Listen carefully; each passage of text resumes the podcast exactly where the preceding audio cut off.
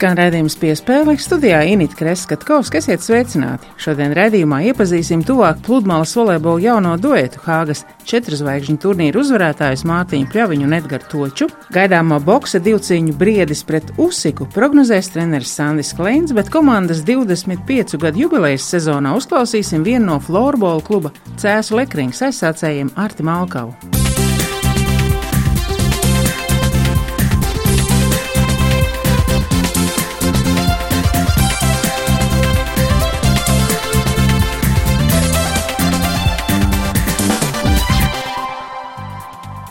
Latvijas pludmales volejbola dueti atrodas Čehijas mazpilsētā Pelharžimovā, kur līdz svētdienai notiek European Masters posms. Pēc panākuma Hāgā Londonas Olimpisko spēļu bronzas laureāts Mārtiņš Pļaviņš un viņa jaunais partneris Smiltīs Edgars Točs vispirms atrādīja Hāgā izcīnīto zeltu, un tad arī aprunājāmies, ko šī uzvara jau devusi un kāds iespējas arī finansiāli būs turpmāk.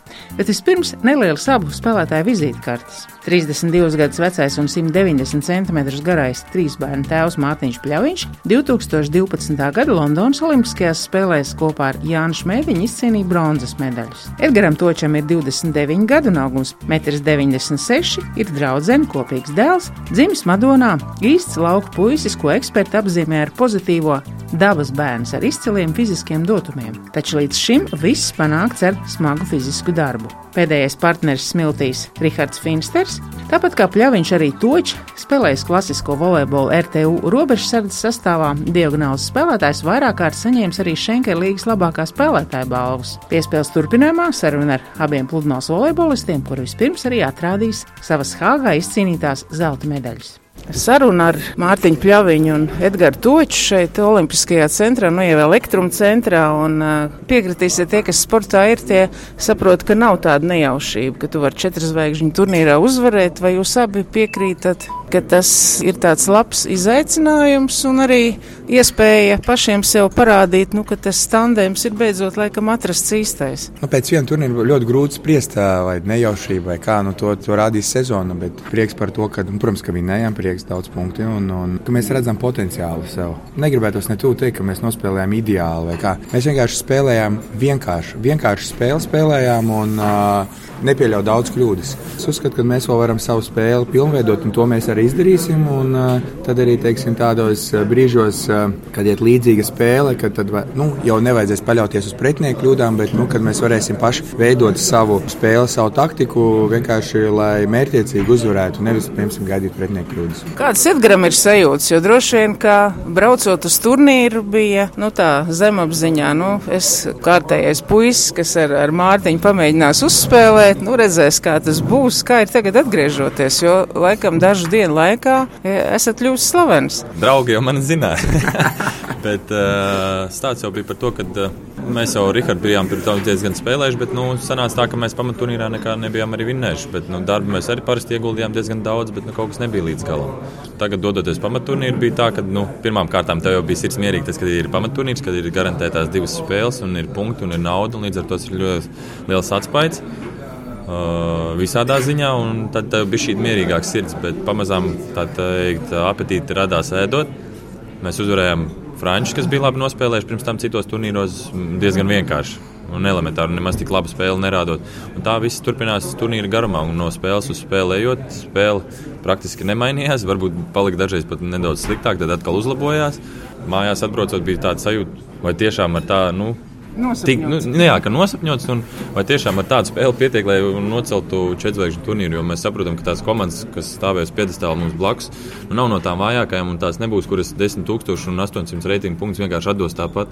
Savu prestižu viņi negribēja maitāt, un nu, ne, nevarēja līdz galam noticēt, ka bija tik vienkārši. Tas ir īpaši fināls. Jā, Mārtiņa 1,90 m un 1,96 m. Tā ir tā jūsu auguma attiecība - 32 un, un gandrīz 30.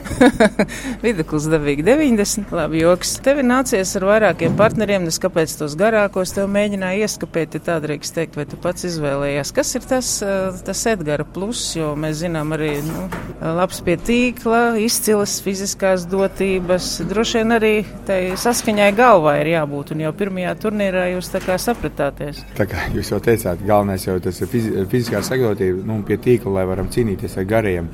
Iepriekš pietrūka, kad, kad fiziskā sagatavotība bloķētājiem tā bija nosēžās, un tad uzbrucēji var darīt daudz ko. Tad šeit pieņemsim, kad uh, Edgars ir uzdevums pie tīkla atrasties, izvēlēties pareizo pozīciju un, un vienkārši un uzlikt īstajā laikā. Tas man atvieglo ļoti daudz. Aizsardzībā es varu izvēlēties varbūt daudz pareizākas vietas, vairāk bumbām pieskārties, un, un tas, tas dod to pašu ticību. Man kā aizsargam ticību, un uzbrucējam viņam tieši graujās ticība, kad viņš nevar aizsist garām blokam, gūt vieglos punktus. Un, un es domāju, ka tas daudz nostrādāja īpaši finālā, un, un tos setus, kur mēs vinējām pārliecinoši, nostrādāja tieši tas, jo agresīvu sēru mums nav. Tas ir punkts, kur mēs varam ļoti daudz pielikt. Un, bet bloks un aizsardzība bija, bija tās lietas, uz ko mēs, teiksim, nu, es domāju, ka grāvām to pretinieku nu, morāli. Kas jums, Edgars, pēc šī turnīra tā pārliecība radās noteikti, ka es varu, ka ir jāvar, ka ir pavisam laikam citi uzdevumi tagad dzīvē, ir nu, jāmaina arī iespējams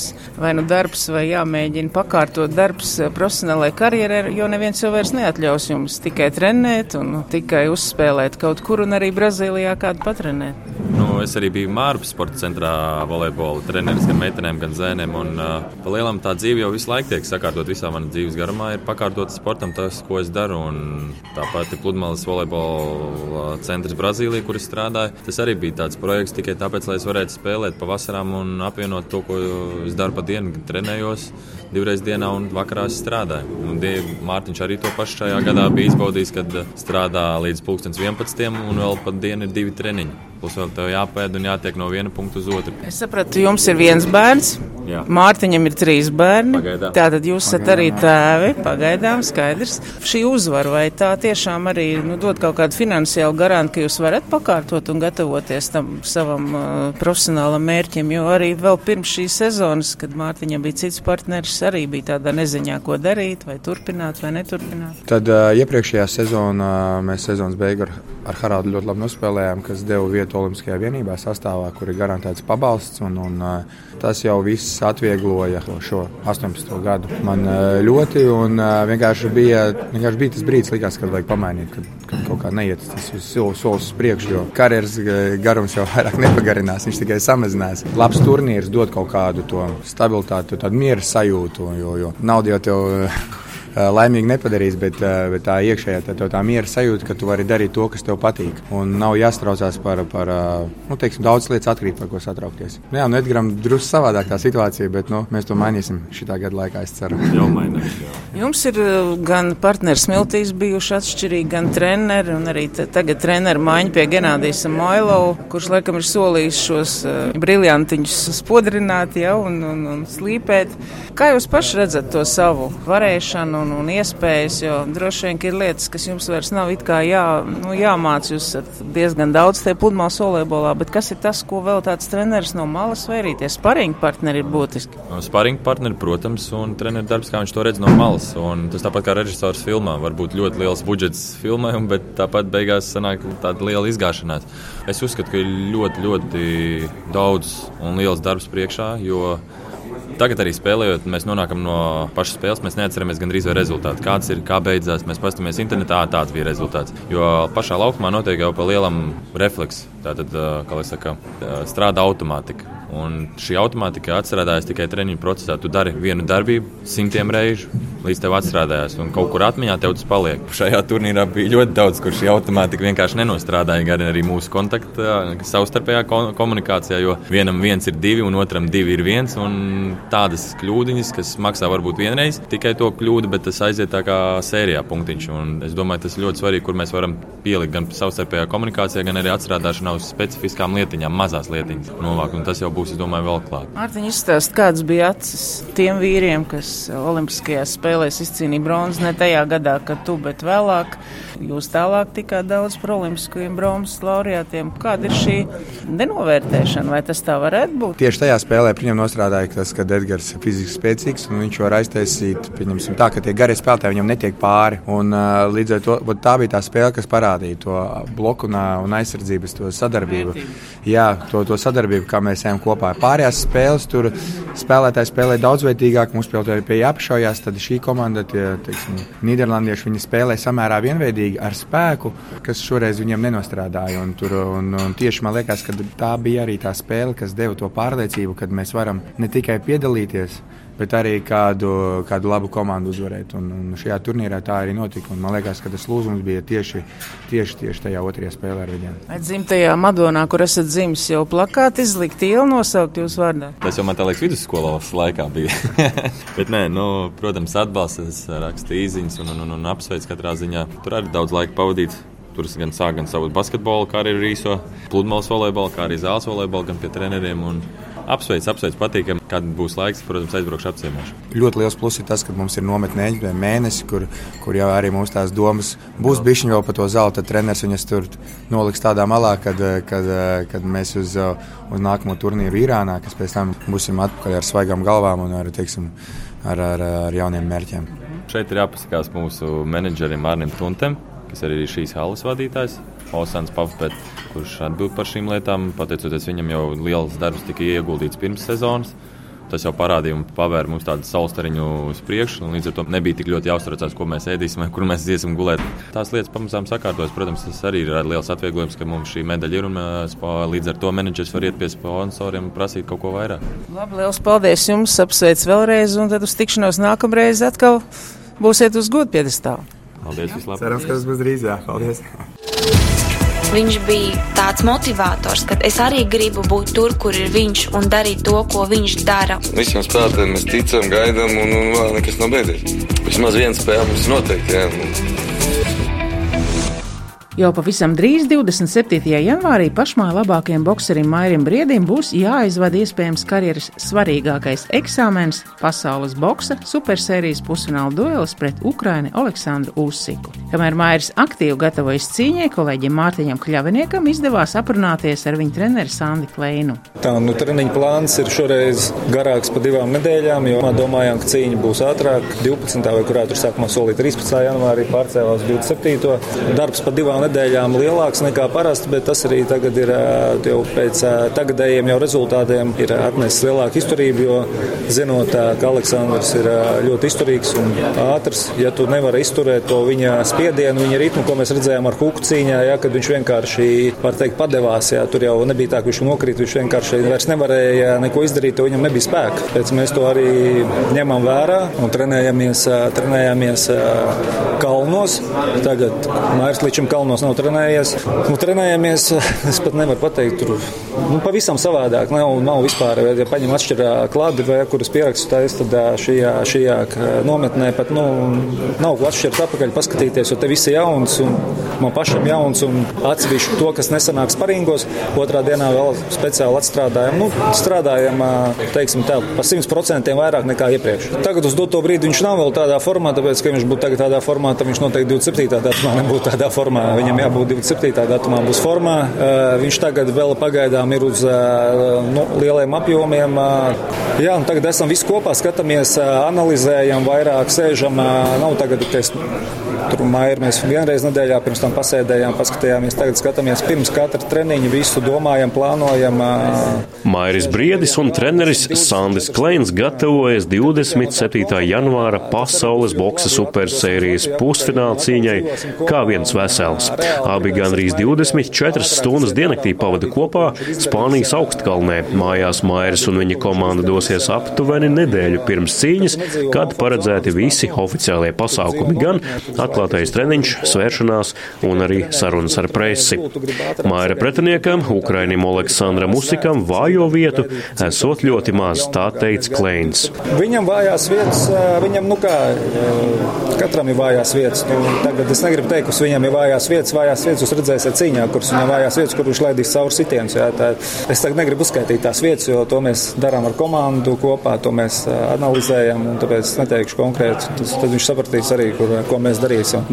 Nu, te bija tā, ka vispār esmu es un arī Mairis, un mēs esam pilnībā izsitušies no komforta, ka kā man saka, jau tur, kas atbrauc tur no Latvijas ciemos, saka, ka mēs esam tā kā kolhoznieki, jau palikuši tikai guļam trenējamies, guļam, un, ja te tur Rīgā tur vēl kaut kur izbrauc, kur tad ēdam mājās.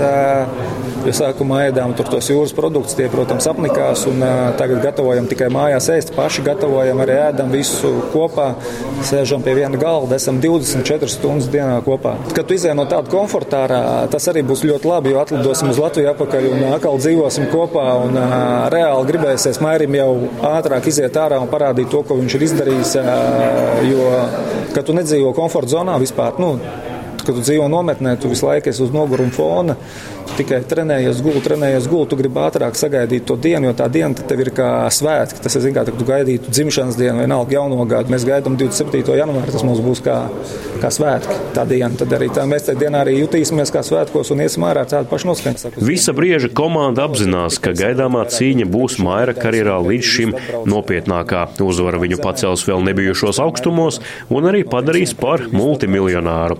Tieši tāpēc arī Sandis Klēns uzsver, ka nenotiek notiek izlūkošana vai domāšana, ko dara un kā gatavojas pretinieks. Visi spēki tiek veltīti, lai vislabāk sagatavotu tieši mairi. Man neinteresē, ko viņš dara, jo, kā es vienmēr saku, es nekad neskatos, ko dara pretinieks, nedomāju par viņu, jo mēs visi darām savu. Es zinu, ja mairis varēs izdarīt ja tā, kā mēs tagad strādājam, tad šajā cīņā mēs redzēsim citu mairu, vispār citu mairu kāds. Nu, katrā profesionālā cīņā eh, vienalga nu, būs eh, cits, pret, nu, cits pretinieks un cits, eh, cits mairs būs, tāpēc, ka tu nevari gatavoties pēc vienas schēmas visiem. Nu, tā kā pret Aleksandru ir tā jāgatavojas. Nu, es uzskatu, ka pret viņu ir nu, mums noteikti visnērtāk.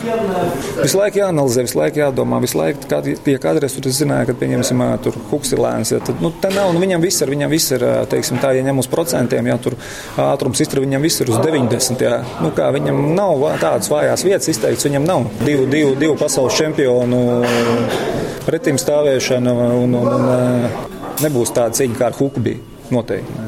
Tā cīņa negaidat. Būs pavisam cita cīņa, jo ir daudz piemēru bijuši, ir daudz pēc kā skatīties. Mēs skatāmies cīņas par vieglākos svaros, kur tikko Billy Sonders vinēja Lemjē.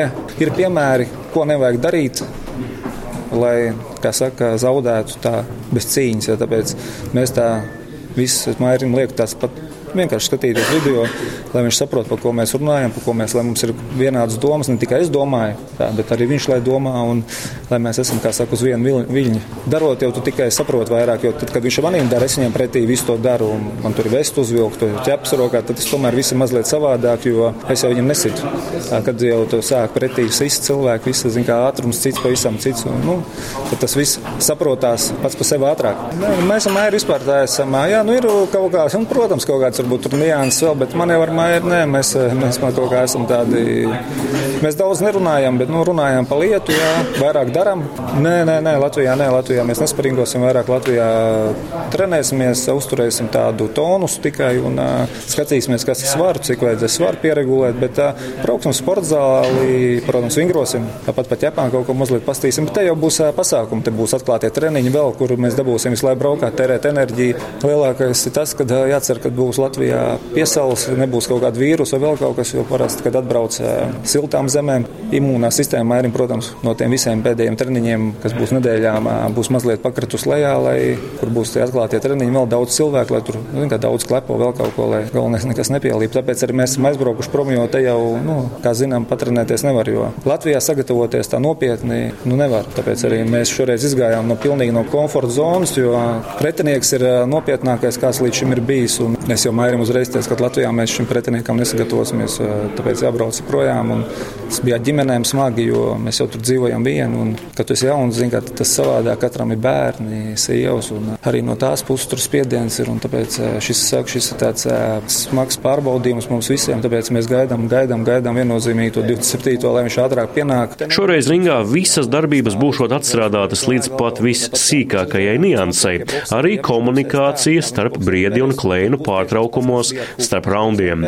Vērā ņemta iepriekšējās cīņas pieredze, kad desmit tūkstošu piepildītajā arēnā Rīga neko nevarēja saklausīt. Visu pieņem es, un Mairs jau man tīri klausās arī Rīgā. Es viņam pasaku, tā, tā, tā, tā, tā ir labi. tur kāds jau no malas bļauj un saka, jau tur vajag vēl kaut ko. Nu, viņš saka, varat nebļaut, tāpat jūs nedzirdat. Nu, te ne, nebūs tā, ka stāvēs tur uz aizmugurē, kāja vēl kaut ko. Tāpat kā mēs redzējām, kas notiek, ja, boksē, ja viņš boksēs tā, kā viņš boksē ar Peresu, tad tas būs tieši tas pats, kas bija ar Huku. Es jums varu pateikt īsāk sakot. Tad tieši tas scenārijs būs viennozīmīgi tieši tāds pats. To, ko jūs redzējāt ar Huku cīņu, te, te būs tieši tāpat, ja Mairs boksētu, pieņemsim tā, kā boksēja viņš ar Peresu. Te tagad sarunājuši esam, kad uh, sabļaut tur neko nevarēs, jo es viņam prasīju arī pēc Peres cīņas, ka tur viņš nedzird neko. Tur ne, ne, nevar neko teikt. Desmit tūkstoši cilvēku neko sabļaut nevar. Mēs katru dienu kopā skatāmies video. Es viņam mājās saku, šitas jāizdara, šitas vēl. Ringā viņš man katru reizi pienāk, lai viņš saka, tu man atgādini, atgādini. Es viņam tagad visu laiku visu atgādinu, mēs visu runājam. Tagad ir 24 stundas dienā kopā. Nu, mēs tā nekad neesam bijuši kopā. Tāpēc es domāju, ka man, man viņam pietiks, kad viņš man nāks tagad vienā minūtē malā atpūtā un viņš jau uzreiz sapratīs, ko vajag darīt, kā darīt. Jo es viņam pateikšu, tas viss būs atstrādāts augstākā līmenī, trīs reizes, četras reizes. Mēs arī samainījām plānu dēļ tā. Jā, tik daudz boxe specifiku, cik mēs tagad taisām, nu, nesam taisījuši. Nevienais var pateikt godīgi. Mērķis gan brieža komandai šoreiz ir tikai viens - uzvara pār Usiku un iekļūšana supersērijas finālā. Tām arī veltīti līdz šim nebijuši naudas, laika un enerģijas resursi. Savādāk nebūtu tam visam jāgē. Arī es tērēju savu laiku, mērs tērēju savu laiku, visi cilvēki tērē savu laiku, tagad tikai uz viņu izpakārtots viņam un nebūtu tas rezultāts, tad tam nav visam jāgē. Tāpēc mēs visi esam aizbraukuši ar vienu mērķi, ar, ar vienu nu, konkrētu, kad šī cīņa jāvinē. Citu jautājumu nevar būt. Mēs varēsim vinēt, tikai nu, jāsagatavojas.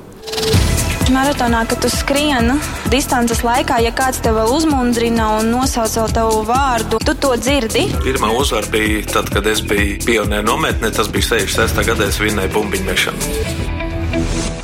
Skan raidījums piespēles studijā Inita Kreskatkovska. Šogad 25 gadu jubileju sezonā svin Florbola klubs Cēsu Lekrings, un mūsu ārstata autors Māris Bergs uz sarunu aicināja vienu no Cēsu Lekrings aizsācējiem Arti Malkavu. Klubs šogad svin savu 25. gadu jubileju, kā jūs, Lekringa esošie bijušie spēlētāji, šo jubileju atzīmēja. 23. decembrī mums bija svinības. Man liekas, ka nosvinējām tā kārtīgi. Bija ielūgti tagadējie visi kluba pārstāvji, spēlētāji, personāls, sponsori un arī visi 25 gadu bijušie spēlētāji, meiteņu komandas, kā arī spēlētājs un, un, un, un, un visi tie interesanti un dalībnieki, kas bija ārpus laukuma kopā mums.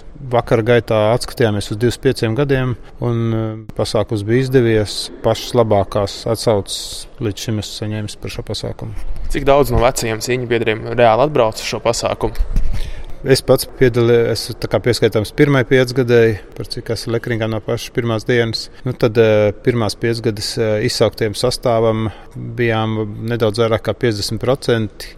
Man šķiet, ka kaut kādi desmit gabali bijām no pirmās piecgadas. Minējāt, ka esat Lekringā jau no paša sākuma. Pastāstiet, kā sākās cēlus Lekringas stāsts. Lekrings sākās no hokeja bāzes. Bērnu sporta jauniešu centrā bija hokeja pulciņš, treneris Gins Bikers, Ivars Martinsons, un mēs spēlējām hokeju. Bet uh, vasarā spēlējām hokeja bumbiņu. Un tad no sadraudzības pilsētas Zviedrijā atnāca pirmās nūjas, un tad tā lēnām, lēnām zālē pārgājām no bendija bumbiņas uz florbola bumbiņu un no hokeja nojām uz bendija nojām. Tā arī tā kā lēnām uz to florbola aizgāja tas viss. Komandai ļoti interesants un neierasts nosaukums Lekrings un arī logo ir redzama pele. Kāpēc tā? Kur no kurienes šāds nosaukums un kāpēc tāds logo? Nosaukums Lekrings ir saistīts ar vienu no pirmsācējiem Bikargintu Tā ir viņa bērnības iesauka. Lekrings, tā viņa tēvs ir uh, saukājis vai iesaucis. Tāpēc arī mums pirmā komanda minīja turnīrus. Mums bija 3 pret 3 uh, Saulrītas sporta halē. Komandā bija es, Ivars Mācons un uh, Bikars Gins. Un mūsu pirmā komanda bija Lekrings. Un tā arī par cik mēs bijām tie virzītāji, tad uh, arī Lekrings. Bet pašu to lēcēju peli mēs atradām vēlāk atradām kaut kādā vēstures grāmatā latīņa burtiem, lauku lēcēju peli un bildīti smuku un bija lekrings izlasāms. Un tā mēs piezīmējām peli arī un tā lēnām, lēnām viņu adaptējām mūsdienām. Kā spēlētājs savu, nu, tā varētu teikt, profesionālo karjeru noslēdzā 2010. gadā. Ir kāds brīdis spēlētāja karjerā, kas ir īpaši iespiedies atmiņā? Es nezinu, tas ir tā, tā sportista dzīve. Man liekas, diezgan gara bijusi. 17 gadus nospēlēju kas ir neaptverams laiks kopumā. Un, ja tā ļoti jāizceļ, tad varbūt tie pēdējie gadi bija tie foršākie, kad uh, Normans Grunskis bija galvenais treneris komandas, un mums bija, ja mums sāka veidoties pat tiešām amatieru līmenim profesionāla komanda ar sakārtotu treniņu procesu un ar, ar, ar visām attiecīgi, kas ir iztekošajām lietām no tā. Ar eh, kārtīgu treniņu procesu, un, un, un, un inventārs, un kad komandas vadība domā par visām lietām un, un, un sakārtot sistēmu apkārt. Pēdējie pāris gadi bija tie, kāpēc es neaizgāju ātrāk droši vien prom no florbola, jo bija tik interesanti un, un, un apstākļi nodrošināti bija, lai spēlētu florbolu. Vai ir bijis kāds brīdis, kad liekas, ka komanda varētu neizturēt, varētu izjukt finansiālu problēmu dēļ vai vēl kādu citu iemeslu dēļ? Pirmajos desmit gados šūpošanās bija katru gadu un visu laiku, droši vien, lai izdzīvotu, bija visu laiku jābūt ļoti iespringušiem. Un tad uh, Pēc tam brīžam bija uzplaiksnījumi, kad bija ļoti labi. Tad atkal mainījās kluba vadība, klubs, kluba nosaukuma mainījās. Kluba pa brītiņam ir kaut kādas krīzes momenti bijuši, bet veiksmīgi esam visu pārvarējuši. Neteikšu, ka tagad iet viegli, bet plāni mums ir, mērķi ir tālāk ejoši un plāni ir augsti. Pēc tam kļuvāt par Lekrīnu komandas treneri. Cik grūti bija pārslēgties no spēlētāja lomas uz trenēšanu? Tas droši vien, te, tas varbūt nebija mans lēmums. Vienkārši dzīve gāja tā, kā gāja. Un, un Normans Grunskis eh, pieņēma lēmumu atgriezties uh, Bauskā. Un, kā pēstniecībai plānojot, uh, komandas vadība tā kā, nu, tā kā sanāca, ka tā kā likumsakarīgi, ka man vajadzētu palikt un vilkt un meklēt, kamēr kādu brīdi man vadīja to komandu. Kā trenerim pirmā, pirmā sezonā pusfinālā zaudējums pret Lielvārdi, bet pēc tam trīs ļoti dominējoši tituli pēc kārtas. Kur bija panākuma atslēga tam, ka Leikrings šajos gados no 2013. līdz 2015. bija teju neuzvarams izslēgšanas spēlēs? Mums bija ļoti laba komanda, un faktiski tā bija iepriekšējā treneru pēstniecība, kuru man e, veiksmīgi izdevās noturēt un, un, un noturpināt. Un tie trīs gadi bija, jā, neteiksim, kad viegli un dominējoši. Tāpat ikdienas e, darbs bija ļoti smags, un, lai uzvarētu pretinieku, bija daudz jāstrādā. Tagad esat pagājis nedaudz malā no aktīvās trenēšanas, un ar ko šobrīd nodarbojaties vispār? Jā, šobrīd kopā ar saviem kolēģiem eh, komandas vadībā ar Trasmani un Jānu Vilderu rūpējos par to, lai šodienas komandai, šodienas trenerim, šodienas apkalpošanas personālam būtu labāka dzīve, labāka apstākļi, kā tas bija senāk un vēl netik senā pagātnē, un lai viņiem būtu viss tas, ko mēs šī brīdī spējam nodrošināt, un lai viss būtu pēc, pēc iespējas labāk, un, un lai mēs varētu priecāties par uh, viņu sasniegumiem un, un mērķēt augstāk un augstāk. Par pašmāju čempionātu runājot, par virslīgu.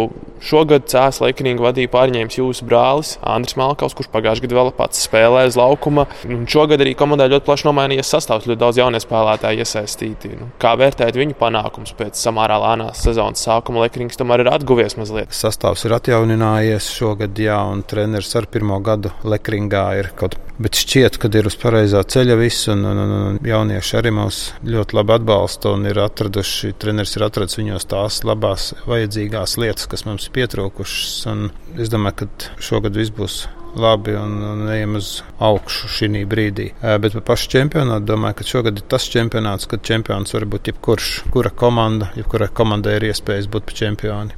Runājot tieši par laikringa jauniešiem, cik daudz cēsu jauniešu un arī apkārtnes jauniešu ir iesaistīti klubu sistēmā un spēlē floorbola?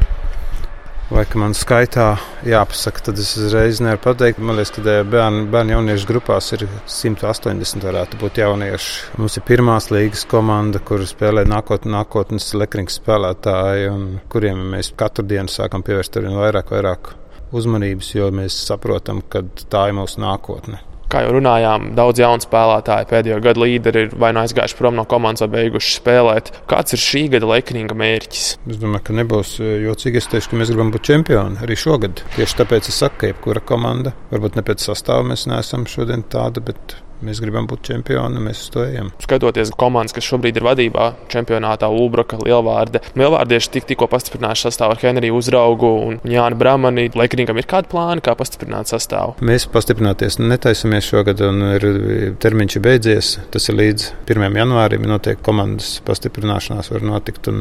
Lielvārde ir pastiprinājusies, jā, bet eh, kā mēs redzējām, tad eh, zaudējums kuršiem parāda tikai to, cik neparedzējams šī gada čempionāts būs. Pēdējos gados jums ar lielvārdiešiem izveidojas savu veidu kā derbijas. Pāris sezonas atpakaļ viņiem pusfināla sērijā zaudējāt, vai gribat atkal ar viņiem tikties izslēgšanas spēlēs un mēģināt revanšēties? Tad, kad mēs bijām stipri, es teicu, ka vienalga Ja tu gribi būt čempions, jāvinē jebkura komanda, un nekas jau nav mainījies. Neskatāmies tabulā, spēlējam un gatavojam savu spēli, lai mēs būtu pietiekoši spēcīgi. Pēdējo pāris gadu laikā vairāk lekringa spēlētāji, piemēram, Brāļa Rajecki, Artūrs Jurševskis, ir devušies spēlēt uz ārzemēm, konkrēti uz Šveici un Čehiju. Vai no pašreizējiem lekringa jaunajiem spēlētājiem saskatāt potenciālos talantus, kuri varētu doties viņu pēdās un arī spēlēt ārzemēs? Jā, Tāds ir eh, mūsu kluba vai komandas nostādījums, kad mēs audzinām jaunus spēlētājus, un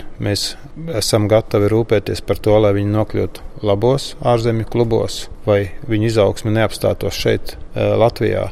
Un ar laiku, kad viņi savu pieredzi uzkrās ārzemēs, gaidām viņus atpakaļ mājās. Tāds ir mūsu komandas uzstādījums uz izšķirošajām spēlēm. Tas bija interesanti eh, atvērt šīs durvis pēc 40 gadu pārtraukuma. Mums ir tā, ka sevi nedaudz jāizcīna un jāpārvar, jāizkāpj no tās komforta zonas, jo nevar jau visu laiku dzīvot komforta zonā. Izskan redzējums piespēle Mārtiņš Kļavinieks, Māris Bergs, Esinita Kreskatkovs un skaņu operators Miķelis Putniņš sakām uz sadzirdēšanos.